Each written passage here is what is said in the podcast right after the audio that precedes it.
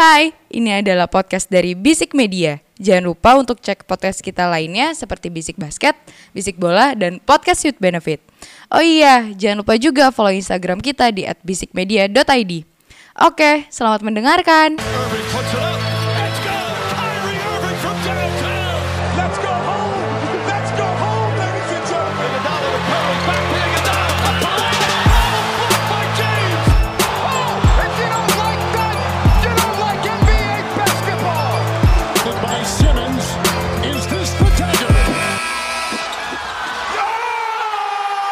It's another episode from Basic Basket Podcast seputar basket NBA dan juga dalam negeri yang dibahas secara santai sebagai pecandu basket. Candu, candu, candu. Episode 79 seperti biasa ditemani sama gue Dimas Syuhada Eke Dimsu as your host dan juga udah ada Ramzi Alam Eke Duzi Eke Kome Eke Remja Eke Jontor Jager Jager Jager. Boom, boom, boom. Wek wek wek. gue harus terbiasa dulu sih, gue harus terbiasa sore ya. Itu me- Terbiasa. itu men- menyuarakan isi hati gue gitu loh. Kenapa wek, tuh, kenapa? wek gitu. Kenapa Weh, weh, weh. Oh, Lagi agak gimana? Agak lucu dan juga menyebalkan mungkin ya. Lot akhir tahun seperti biasa. Betul betul akhir bulan juga ya. Aduh. Tanggal 2020 ini tuh kalau misalnya buka akun mobile banking kita ya kayaknya udah gimana ya mau makan enak nggak bisa. Jangan jangan ngomongin makan enak dulu deh. Iya. Makan aja susah. Makan aja susah gitu. Apalagi mau foya-foya ya. Beli nasi pakai garam aja masih mikir-mikir. Aduh aduh aduh aduh. Sedih banget. Tapi ngomong-ngomong nasi pakai garam, gue dulu kalau dulu waktu kecil gue inget banget, gue kalau Apa? makan nasi Ah. pakai garam, Ah. biar menarik sama nenek gue dibulat-bulain gitu, Ji. Oh, iya, kayak iya, gitu, iya, iya. Tapi maksud gue pathetic banget, sedih Iya. banget anjir, sumpah. Oke, let's talk about basketball. Uh, ya off season kita akan tetap selalu memberikan berita-berita tentang basket NBA dan juga dalam negeri ya. Yoi. Nanti juga di dalam negeri juga ada berita yang kayaknya seru, Seru, sekali. seru, seru, banget. seru, Tapi kita nggak tahu bakal mulai kapan kayak Mm-mm. eh, soon lah mungkin ya. Ah, mungkin dari pertama kita ngomongin di NBA dulu ya. Maksudnya beberapa berita yang mungkin topiknya tentang perpindahan pemain kayak kalau beberapa episode lalu kita ngebahasnya mungkin Ben Simmons, Ben Simmons lagi, Iya, Ben Simmons iya, lagi ya. iya. Tapi ini ada satu berita yang di mana ya mungkin kalian juga para pendengar Basic Basket udah pernah udah udah tahu juga gitu ya. Hmm. Eh, berita tentang uh, John Wall yang request trade dari uh, Houston Rockets. Ah, gua nggak sebenarnya sih gua nggak kaget terhadap berita ini gitu. loh. Iya. Kayak gue melihatnya bahwa Houston Rockets emang dari awalnya eh, Houston Rockets dengan adanya John Wall tuh gue yakin is something yang nggak long lasting gitu. Akan Iya. ada sesuatu Iya. yang per- perubahan dari John Wall ataupun dari Houston Rockets yang di mana ini nggak akan bertahan lama gitu. Menurut Kayak- lu, menurut lu gimana nih Ji? Feelingnya kayak udah dari awal udah bau aja gitu. udah ya, udah nggak nggak nggak kelihatan udah nggak works aja gitu. nggak klop terus apa ya gua kalau lu mungkin ngelihatnya dari ke nggak klopannya itu gue lebih ngelihat dari sebenarnya apa sih yang, se- yang dicari sama John Wall karena gua nggak tahu ya apakah dia tersakiti kah karena kondisinya dia dibuang gitu kan maksudnya kan eh, kita lihat dua-dua yang sebelumnya ibaratnya dia cabut gitu loh bukan Ya. bukan dibuang gitu loh Dua yang sebelumnya siapa nih? Ah ini Kayak misalnya ah, Lauri Pras- sama DeRozan Oh, Oke. gitu loh kan Lauri sama DeRozan kan yang satu cab apa yang satu keluar ya Eh. dia mau pengen keluar aja gitu terus kalau yang satu lagi ya macam-macam lah maksudnya yang kayak gitu-gitu ya Russell Russell KD James Harden. James Harden kan mereka yang mau cabut sedangkan ini dicampakkan gue Iya, lihat iya, Se- iya. seakan-akan Washington Wizards sudah nggak punya harapan lagi dengan ya mungkin karena cederanya dia mungkin karena performanya yang akhirnya naik turun dan nggak bisa compete banyak game juga Iya, iya. ya apa yang lagi lu cari gitu loh sekarang ya tapi memang kalau dari sisi apa ya setahu gue emang dia gajinya juga agak mahal ya Ya, hmm. jadi agak-agak berat banget untuk untuk siapa untuk siapa pun bahkan tim mana pun Hmm. yang megang dia ya gue sih berharap semoga dapat yang terbaik aja karena ya sebelum Russell Westbrook gue taunya John Wall duluan gitu loh Iya, iya, iya, iya, iya. yang ber, ber- ya setelah setelah Derrick Rose sebelum Russell Westbrook ya ada John Wall di situ lu Iya. jangan pernah lupa akan hal itu Iya iya. Ah, emang bener kata lu. Maksudnya kondisinya John Wall ini agak complicated di mana dia masih punya 90 juta dolar untuk Hmm. Yes. sisa 2 tahun yang di mana kayaknya dengan performanya dia setelah balik dari Achilles kayak kita belum Hmm. ada menunjukkan signifikan yang kita belum bisa melihat John Wall yang seperti dulu lagi waktu di Washington Wah, Wizards jauh, gitu. jauh banget, ya jauh kan. banget. Nah, buat gue sendiri eh ini juga sebenarnya untuk John Wall sendiri memang harus kayaknya dia harus pindah gitu karena dari Houston Rockets-nya sendiri pun mereka lagi kayaknya in way lagi mereka lagi tanking gitu dengan Yeah. kemarin adanya Jalen Green, Josh Yeah. Christopher dan beberapa pemain kayak Kevin Porter dan Christian Wood mereka tuh Yeah. kayak terlihat pengen rebuilding gitu dah. Dan kayaknya dan John Wall sendiri pun nggak masuk proyeksi mereka di dalam Ya, iya di jelas, dalam jelas sih. skemanya mereka untuk rebuilding ini gitu loh Hmm. dengan melihat gajinya John Wall. Tapi kalau lu melihat sendiri sih untuk John Wall sendiri eh, ya kita tahu lah kayaknya dia akan cabut gitu. Tapi kita nggak tahu nih maksudnya eh, di musim ini di off season ini dia akan cabut atau mungkin di musim depan gitu loh di 2022. Hmm. Menurut lu dengan kondisi yang seperti ini John Wall di Houston Rockets kira-kira tim yang cocok untuk menampung dia ya kita berandai-andai saja gitu. Iya. Kira-kira tim mana? Yang gua tahu tuh mereka harus trade ya. Ya. Yang bukan bukan maksudnya bukan free transfer gitu loh, bukan Ya, bukan yang buyout ya, bukan buyout Yes, ya. Eh kayaknya kalau dari segi aset yang paling bisa pertama adalah OKC. Oke sih. Oke sih karena menurut gua ya balik lagi ke omongan lu tadi karena mereka mau lagi mau tanking juga, lagi bener-bener literally rebuild gitu. Maksudnya ya pasti butuh draft banyak dan ya lu tahu yang sampai 2037 juga masih punya draft juga. 2030. Kejauhan 2027 aja. 2027. Kalau 37 kayaknya juaranya deh kayaknya. Iya maksudnya sampai 2027 Iya, iya. punya draft tuh ya cuman oke sih gitu loh. Ah. Itu sih. Kal terus selanjutnya gua eh, melihatnya ada satu tim yang kehilangan maker juga tapi masih punya pemain nomor 4 yang bagus. Siapa tuh?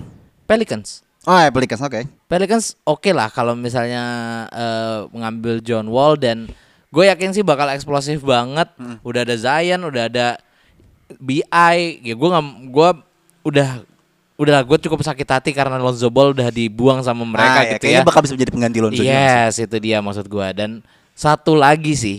Ini mungkin bisa jadi win-win solution buat mereka berdua. Karena punya satu pemain yang sama-sama pengen cabut. Siapa? Sixers. ya ya ya. Nah nih, ini menarik nih menarik nih. Eh. Men- Sebenarnya gue juga uh, agak visi juga kalau misal dia harus pindah ke Sixers gitu. Karena kondisinya juga kayaknya agak-agak cocok nih. Iya, Ya kan iya. agak-agak kayaknya bakal match nih. Heeh. Maksudnya imagine John Wall bareng sama Embiid. Joel Embiid gitu. Heeh. Tapi kayaknya dengan kondisi trade-nya uh, kalau misalnya direct gitu ya dua tim atau tiga tim hampir impossible karena dengan melihat dari gajinya si John Wall uh, sendiri. John Wall sendiri Iya. dan dan beberapa dan salary cap-nya dari si uh, Sixers itu juga Iya, kan iya. penuh banget kan mereka kan. Hmm. Atau mungkin sebenarnya bisa terjadi kalau misalnya uh, Sixers tuh ngele- ngelempar trade apa asetnya mereka mungkin kayak Korkmaz ataupun uh, ya, Tyrese Maxey. Tyrese Maxey, uh, Taibul ataupun juga uh, siapa shooternya? Eh, Seth Curry iya, ataupun iya, Danny iya. Green mungkin Hmm. bisa menjadi opsi juga. Tapi apakah too much ya kalau misalnya dia? Tapi keren banget kalau misalnya lu bisa Iya. bayangin. Tapi masalahnya kalau misalnya pun kalau misalnya ke Sixers ya Joel Embiid bakal ketemu tandem yang kurang lebih mirip Iya, gitu loh iya, ya. iya, iya. Memang oke John Wall masih bisa nge-shoot lah seenggaknya. Nggak ngedrive ngedrive mulu tapi kan ya kita tahu John Wall itu bener-bener ya apa efektif dan efisiennya ya kalau misalnya dia ngedrive gitu loh. Ya kalau ya gue sih berharap kalau misalnya emang ini trade beneran kejadian nih ke Sixers. Ya semoga aja dia bisa lebih dewasa dan nggak nggak cuma nge- ngedrive ngedrive doang apalagi juga ditambah dia kan abis cedera dan apa udah mulai menurun lah ibaratnya Iya, iya. apa speednya agility-nya gitu-gitu. Pasti juga ya kita menunggu lah uh, performanya John Wall tuh Mm. mungkin at least nggak bisa nggak kembali seperti yang John Wall yang the fastest point guard in NBA Iya, ya iya. sebelum sebelum Russell Westbrook gitu maksud gua kayak ya at least performa kayak lu stats sekarang. lu kembalilah gitu Iya, loh kayak ya Derrick Rose sekarang lah Derrick udah. Rose sekarang lah maksudnya lu harus mencari temp lu lagi kembali karena di musim kemarin menurut gua kayak unexpected aja tapi walaupun ya ya kita tahu semua John Wall lah maksudnya dia pasti selalu ada di highest level gitu loh kayak gitu Yes. karena dengan cedera yang hampir sama KD pun juga bisa kembali ke forma ke performanya lagi gitu loh ya kita ya who knows sih ya kan Kalau udah ngomongin KD tuh berat cu, cu. Emang dia jago banget Iya, iya. anjing. the best kan masalah kan Skip Bayless juga dia lebih milih uh, KD daripada LeBron juga Iya sih kan tapi selalu nomor dua. Tapi gini, untuk kembali ke kondisinya kondisinya John Wall ya, buat gua kayaknya eh salah satu eh, analis ESPN, aduh gue lupa namanya, sorry gue gak bisa nyebutin. Eh, dia bilang sa- di musim depan sampai musim depan sepertinya kayaknya John Wall nggak akan ke mana-mana gitu. Sampai di 2022 mungkin dengan sisa satu tahun dia bisa buy out. Wah, Yang di mana iya. kalau setelah buy out mungkin dia bisa lebih bebas lagi. Maksudnya lebih lebih masuk lah. Maksudnya lu mau ke mana aja dengan Saking mungkin bebasnya ngambil- sampai Brooklyn Nets gitu kan? ah tolong jangan. Aduh. Duh, gue tuh sebenarnya pengen menganggapnya kayak oh bisa jadi backupnya Russell Westbrook nanti di Lakers kali. bisa bisa. Iya iya bisa. maksud gue gitu ya. Maksudnya ya ya, ya John Wall harus ya semoga ini dapat win-win solution yang di mana eh, Houston juga pengen rebuild dan juga John Wall mencari tempat yang nyaman untuk dia kembali ke performanya dia gitu. Tapi gue belum gue nggak setuju sih kalau misalnya jadi backupnya Kenapa? Russell Westbrook. Hah? Kenapa? Nanti yang ada itu Lakers itu shot shot chartnya 0 sampai 5 persen. Kenapa? Eh 0, 0 sampai 5 feet itu 100 persen. Gak berani nge-shoot dari luar lagi 0 sampai 5 feet doang udah itu kayaknya Lakers udah benar menjadi jadi All Star sendiri udah anjir bener-bener parah parah parah. Oke bergeser sedikit eh, untuk berita trade eh, untuk eh, ada berita juga tentang extension yang di mana Aaron Gordon forward dari eh, Denver Nuggets dapat kontrak 4 tahun sebesar 92 juta. Menurut lu gimana sih untuk kontrak ini Ji? Kayaknya cengli lah ya.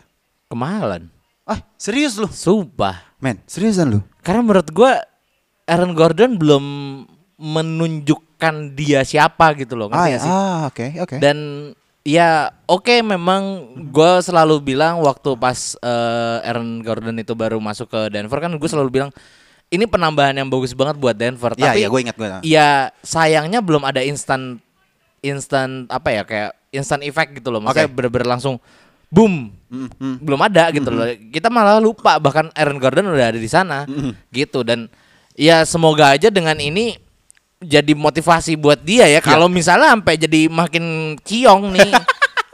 ini kurang lagi. mending lu main di slam dunk kontes aja gitu loh. Terkalah lagi. Ya, Ya, elah. Seenggaknya ada yang bisa dikalahin lah sama dia. Jordan Kilganon bisa lah. Jordan Kilganon gak di NBA, cok. Ya, beda liga makanya. nah, maksud gue gini, kalau buat Aaron Gordon sendiri kayaknya Hmm.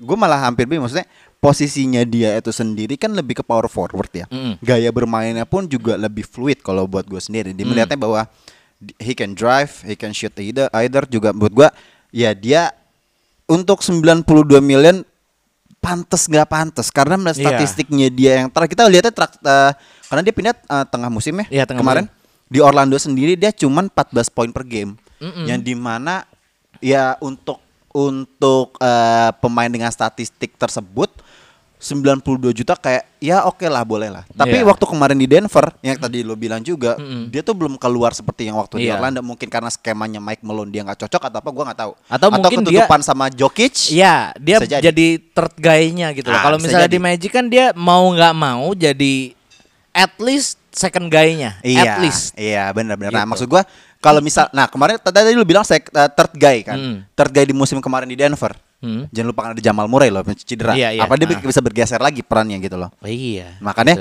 buat gua sendiri kayaknya mungkin agak mungkin agak overrated tapi kalau misalnya Aaron Gordon bisa membuktikannya di musim depan pantas nggak sih dengan segitu ya at least 20 eh, at least sebagai rim protector atau apalah Ya. mungkin nggak nggak secara pendulang poin utama ya kita tahu pendulang utama utama pasti nanti bakalan ada Jokic lagi Jokic Iya. lagi Iya.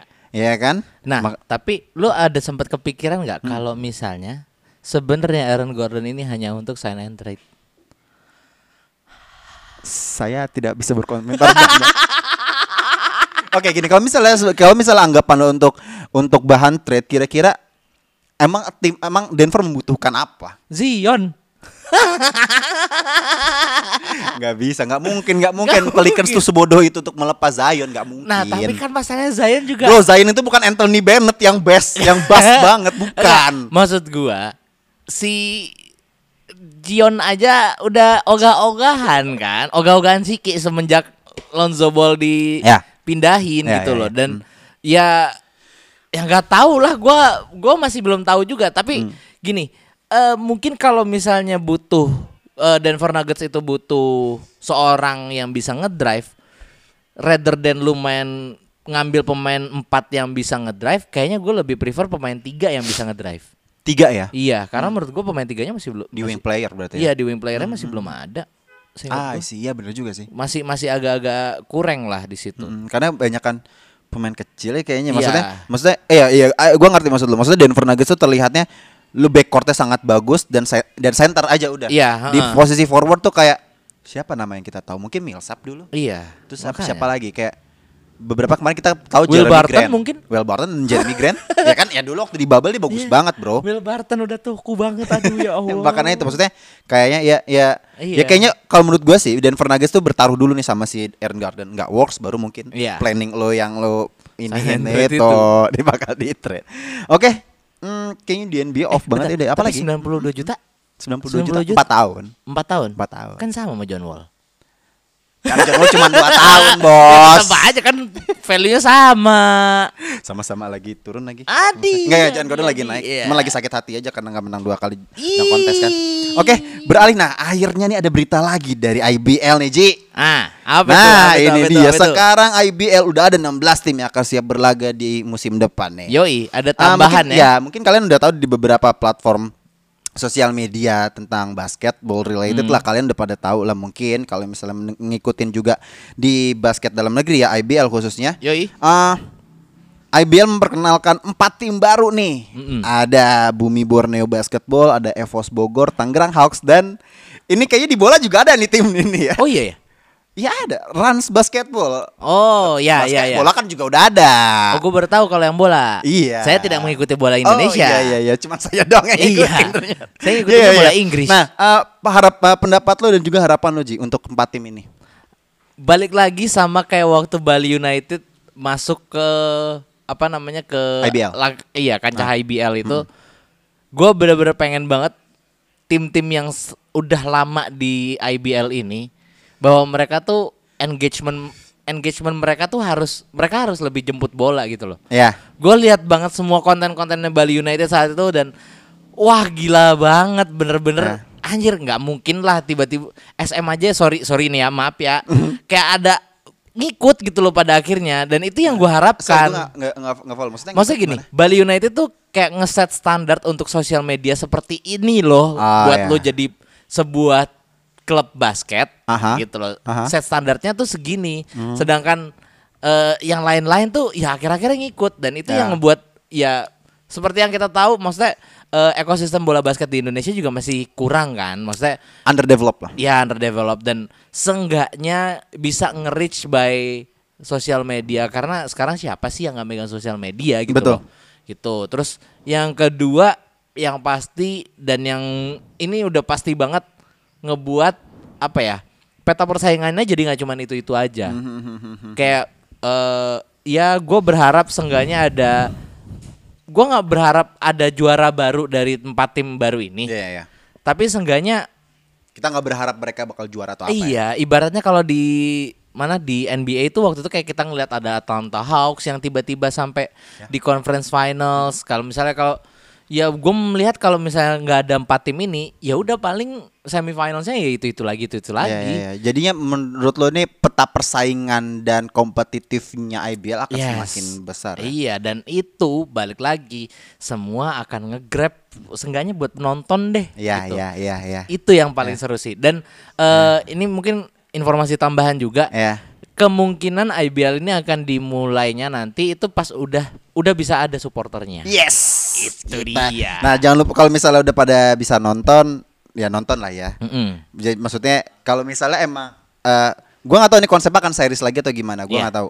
Kalau misalnya series lagi, kalau misalnya di kota kalian nonton lah. Iya, Nonton ke langsung ya. vaksin dulu lah. Ya pasti vaksin dulu. Iya. Kan harus scan peduli lindungi itu kan ya kan? betul. Nah, maksud gua ya datang lah maksudnya support Hmm. tim lokal lu gimana kalau misalnya lu menaikkan eh, non- maksudnya lu support lokal menurut gua industrinya akan berjalan sih. Yes, yes. Kayak gitu. Ya ya kalau gue nggak tahu kalau misalnya disiarin disiarin di platform video ini lagi ya di Hmm. YouTube ya gua nggak tahu maksudnya kalau misalnya nanti ditayang di YouTube lagi gue cuma minta tolong satu satu doang nih Apa? sama adminnya IBL Indonesia kalau misalnya nanti di YouTube lagi Hah. kolom komentar matiin aja sudah tolong, tolong, tolong kolom komentar dimatikan saja tolong saya pe- saya penikmat basket tapi agak keganggu dengan komentar netizen Indonesia Kontoru.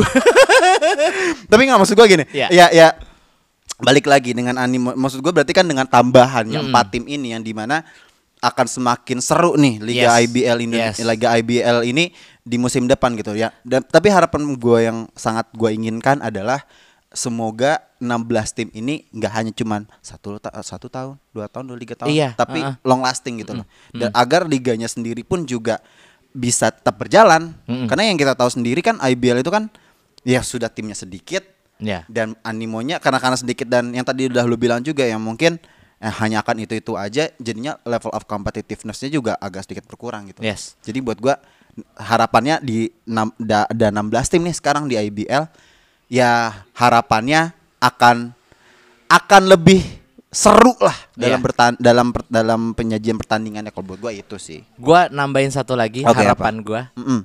supaya tim-timnya bisa lebih tersebar. Nah, Iya enggak itu sih? dia. Sekarang tuh yang kalau gua nggak salah, Kalimantan udah ada di Borneo. Borneo. Dewata udah ada Pulau Bali. Bali. Terus eh, Papua udah ada Timika. Mountain Gold. Mountain Gold Timika. Jawa jelas. Full.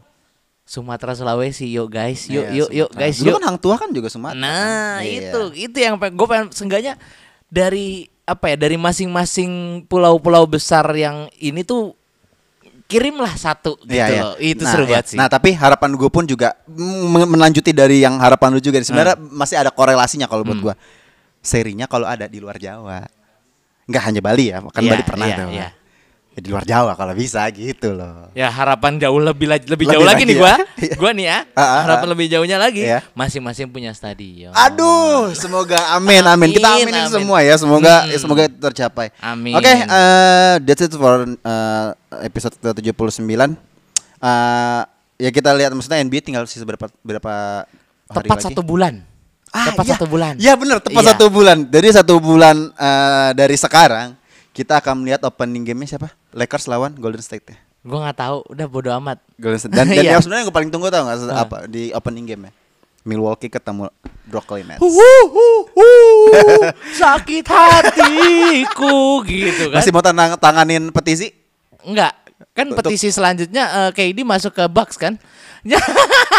Oke, kita Melanjutkan tradisi. Oke, kita sudah episode 79. Bye. Bye bye.